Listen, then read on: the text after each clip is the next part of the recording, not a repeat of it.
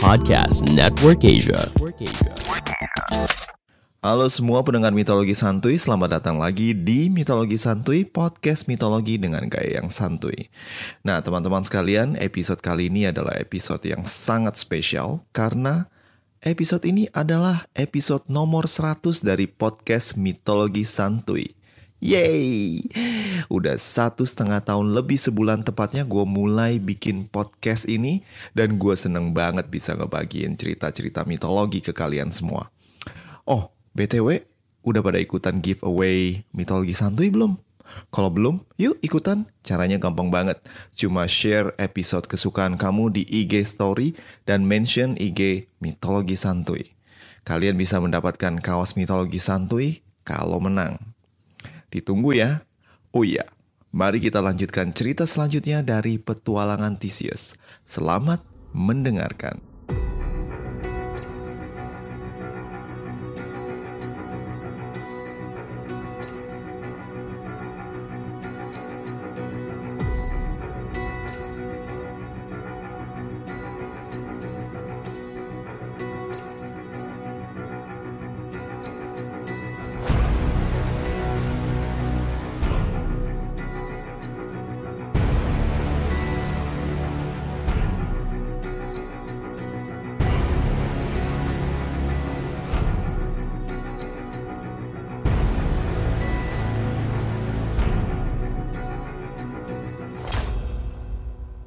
Theseus, sang raja Athena, duduk di singgasana kerajaan yang diwarisinya sepeninggal ayahnya. Beban pemerintahan sekarang berada di pundak sang pemuda yang belum lama lalu hanyalah si bocah belasan tahun yang keluar dari Trozen bermodal sandal dan pedang perak ayahnya. Petualangannya dan misinya ke kereta telah menghantarnya ke hegemoni tertinggi di Athena. Theseus, sang raja menjalankan tugasnya dengan bijak dan penuh dengan pengabdian. Utusan-utusan kerajaan di sekitar Laut Mediterania datang menjalin hubungan dagang dengan Athena, dan perwakilan dari penduduk sering datang untuk membicarakan permasalahan negara. Theseus menerima mereka dengan ramah dan memberikan solusi yang diterima dengan sepenuh hati. Of course, kalau raja udah bersabda ya mesti diterima dengan sepenuh hati. Kalau enggak ya kena tombak, ya kan? Tampaknya semua berjalan dengan baik. Penduduk senang, kerajaan sekitar Athena damai. Lalu bagaimana dengan Theseus sendiri? Walau posisinya sebagai raja memampukan dirinya untuk melakukan banyak hal semaunya, tapi Theseus ya bukan kayak gitu orangnya. Theseus berpegang teguh pada prinsip yang diajarkan oleh kakeknya. Tanggung jawab sebelum kesenangan. Namun apakah ini yang ia inginkan? Theseus sering mengenang saat-saat dirinya berpetualang di berbagai pelosok dan bagaimana excitement berada di tempat-tempat baru, adrenalin yang terpicu akibat berhadapan dengan situasi berbahaya, membuatnya merasa begitu hidup. Ah, andai diriku bisa pergi dan berpetualang lagi. Dalam lubuk hatinya, Theseus merindukan hidupnya sebagai seorang petualang. Rindu untuk tidur beratap langit dengan bintang-bintang yang bertaburan. Rindu bertempur dengan lawan yang tangguh. Bahkan rasa sakit akibat tinju atau goresan tajam dari pedang adalah hal yang pengen ia dapatkan sebagai pengganti hidup seorang raja yang nyaman. Theseus sang raja masih memiliki jiwa petualang yang membara dalam hatinya.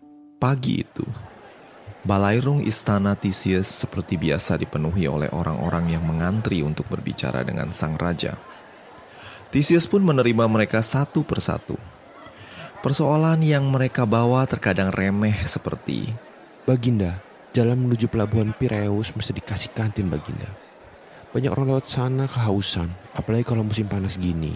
sampai ke hal serius seperti Baginda, kerajaan Teseli menyiapkan armada perang dan mungkin akan menyerang kerajaan tetangga. atau iseng macem Baginda, hamba udah menjanda selama dua tahun loh.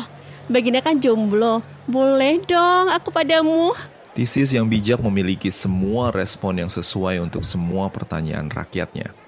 Kepada si bapak yang minta kantin, Theseus pun meminta beberapa pengusaha lokal untuk membuka rest area di jalan menuju Piraeus. Kepada yang bertanya tentang pergerakan armada Thessaly, Theseus minta jenderalnya untuk memperketat pembatasan dan mengirim duta besarnya untuk misi diplomatis. Kepada si janda yang ngelamar Theseus, well, Theseus mengatakan kalau dirinya sudah menikah dengan kerajaan Athena dan dirinya tak mau mendua. Ah ini malesan aja sih, kalau cakep banget juga pasti dihabek sama dia. Namun ketika seorang prajurit yang tampak babak belur datang, raut muka Theseus pun kemudian berubah. Baginda, seorang prajurit berkuda tiba-tiba menyerang peternakan domba milik Baginda dan merebut semua domba-domba Baginda. Prajurit itu kuat sekali Baginda. Beneran deh, kita semua babak belur. Siapa namanya? Kurang ajar sekali dia dan cupu sekali kalian. Namanya Piritos Baginda. Maaf Baginda, kami sudah berusaha. Theseus terlihat marah, namun dalam hatinya sang raja Athena ini merasa gembira karena sudah lama dirinya tidak melihat aksi. Dan saat ini seorang prajurit berkuda sanggup mengalahkan satu resimen tentara Athena yang terkenal kuat. This is my time to shine, pikirnya. Saatnya melepas mahkota dan terjun ke medan pertempuran. Theseus langsung pergi sendiri tanpa pengawalan pasukannya. Dengan semangat membara, sang raja melacak keberadaan sang prajurit yang telah mengacak-ngacak peternakannya. Tidak sulit untuk menemukan sang prajurit yang kini bergerak lamban karena harus membawa domba sekandang. Begitu melihat sang prajurit, Theseus pun kemudian mengambil anak panahnya dan memanah sang prajurit. Panah Theseus melesat cepat mengarah ke punggung sang lawan yang tampaknya belum menyadari keberadaan Theseus.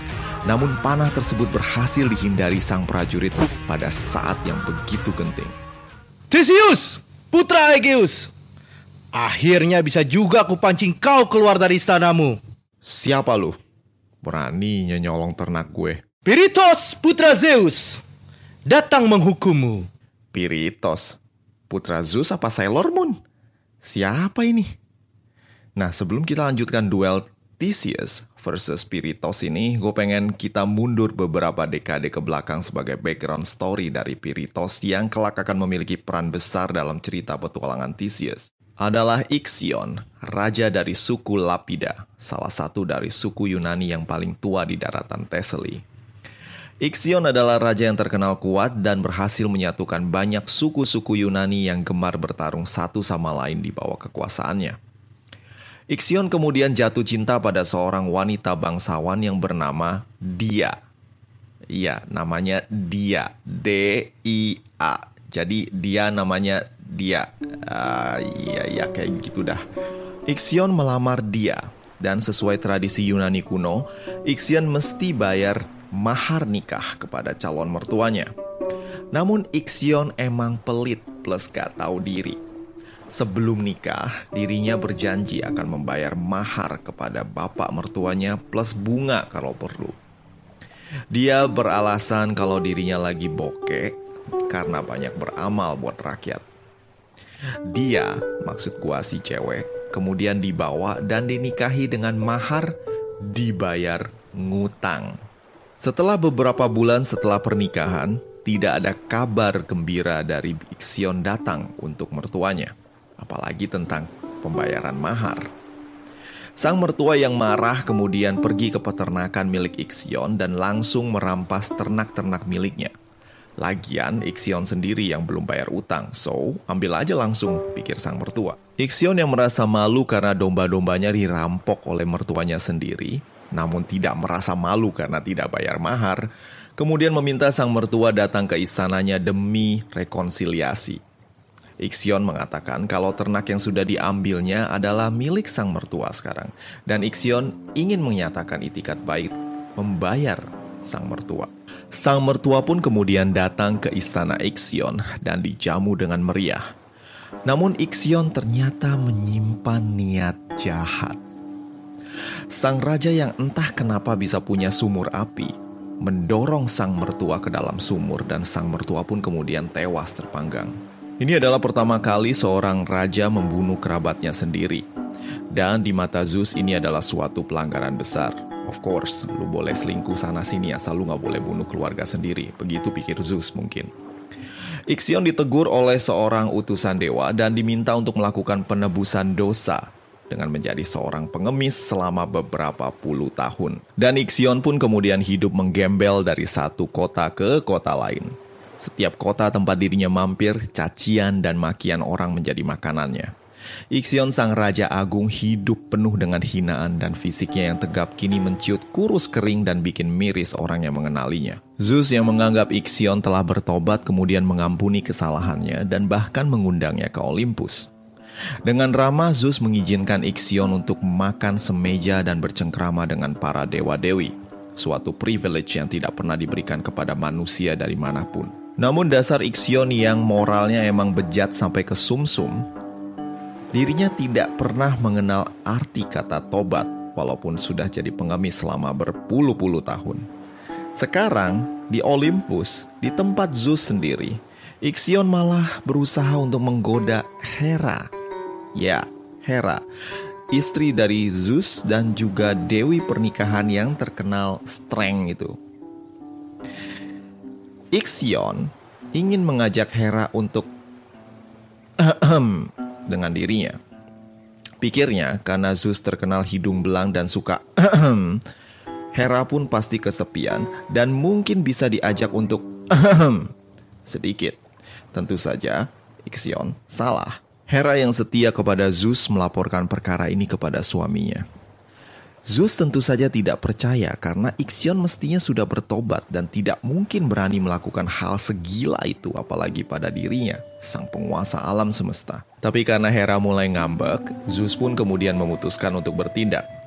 Zeus mengambil segumpal awan dan kemudian membentuknya menjadi Hera KW-KW alias tiruan.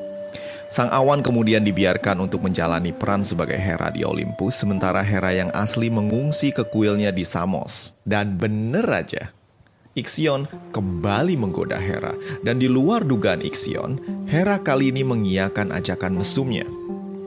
Ixion girang bukan kepalang dan kemudian ber dengan Hera yang sebenarnya adalah gumpalan awan dikasih napas itu. Sementara itu Zeus yang berhasil ngeprank Ixion berniat menambah pranknya dengan cara yang he knows best yaitu apalagi kalau bukan nidurin istri orang. Mumpung Hera lagi di Samos, Zeus mengubah dirinya menjadi kuda jantan dan kemudian mengunjungi dia, istri dari Ixion. Dari hubungan antara Zeus dan dia inilah terlahir Piritos, penerus kerajaan Ixion. Sementara itu apa yang terjadi dengan Ixion? Zeus tampaknya merasa puas setelah ngeprank Ixion dan juga meniduri istrinya. Sehingga Zeus menganggap perbuatan Ixion kepada Hera dianggap impas. Lagian Hera kan gak benar-benar di sama Ixion kan? Well, itu kan menurut Zeus. Menurut Ixion, dirinya telah berhasil meniduri Hera, sang dewi pernikahan yang mestinya setia tersebut. Ixion berkoar-koar tentang pengalamannya di Olympus dan bercerita kepada semua orang yang ditemuinya. Tentu saja nggak ada yang percaya. Tapi Hera merasa Ixion telah mencemari nama baiknya dan kembali merengek kepada Zeus untuk menghukumnya. Sekejap mata Ixion hilang bagai kena snap Thanos dan muncul di Tartarus, neraka jahanam tempat para penjahat dan juga orang-orang durjana disiksa selamanya.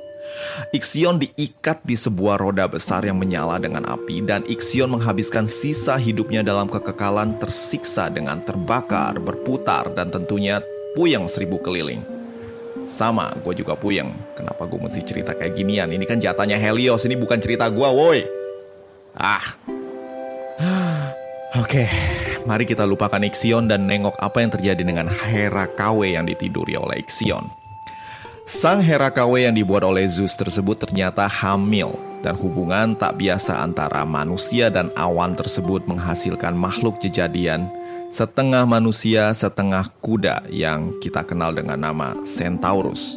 Centaur pertama ini kemudian merambah liar di daratan Thessaly dan kemudian ber dengan beberapa kuda betina dan ber dengan beberapa kuda betina dan beber dengan beberapa kuda betina menghasilkan satu ras sentor baru yang kemudian saling ber menghasilkan satu populasi sentor yang terkenal liar dan barbar.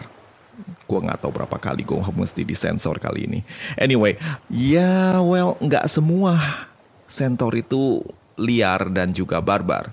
Ada juga beberapa yang terkenal baik dan bijak seperti Chiron yang bakalan jadi guru les Hercules, Achilles, Asclepius dan juga figur-figur terkenal di mitologi Yunani.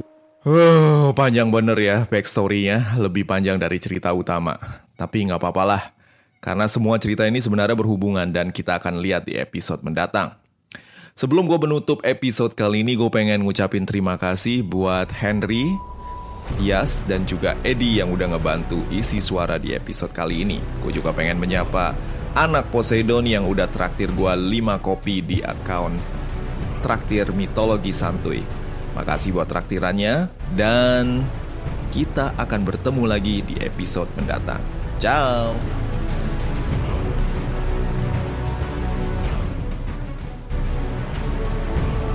Pandangan dan opini yang disampaikan oleh kreator podcast, host, dan tamu tidak mencerminkan kebijakan resmi dan bagian dari podcast Network Asia.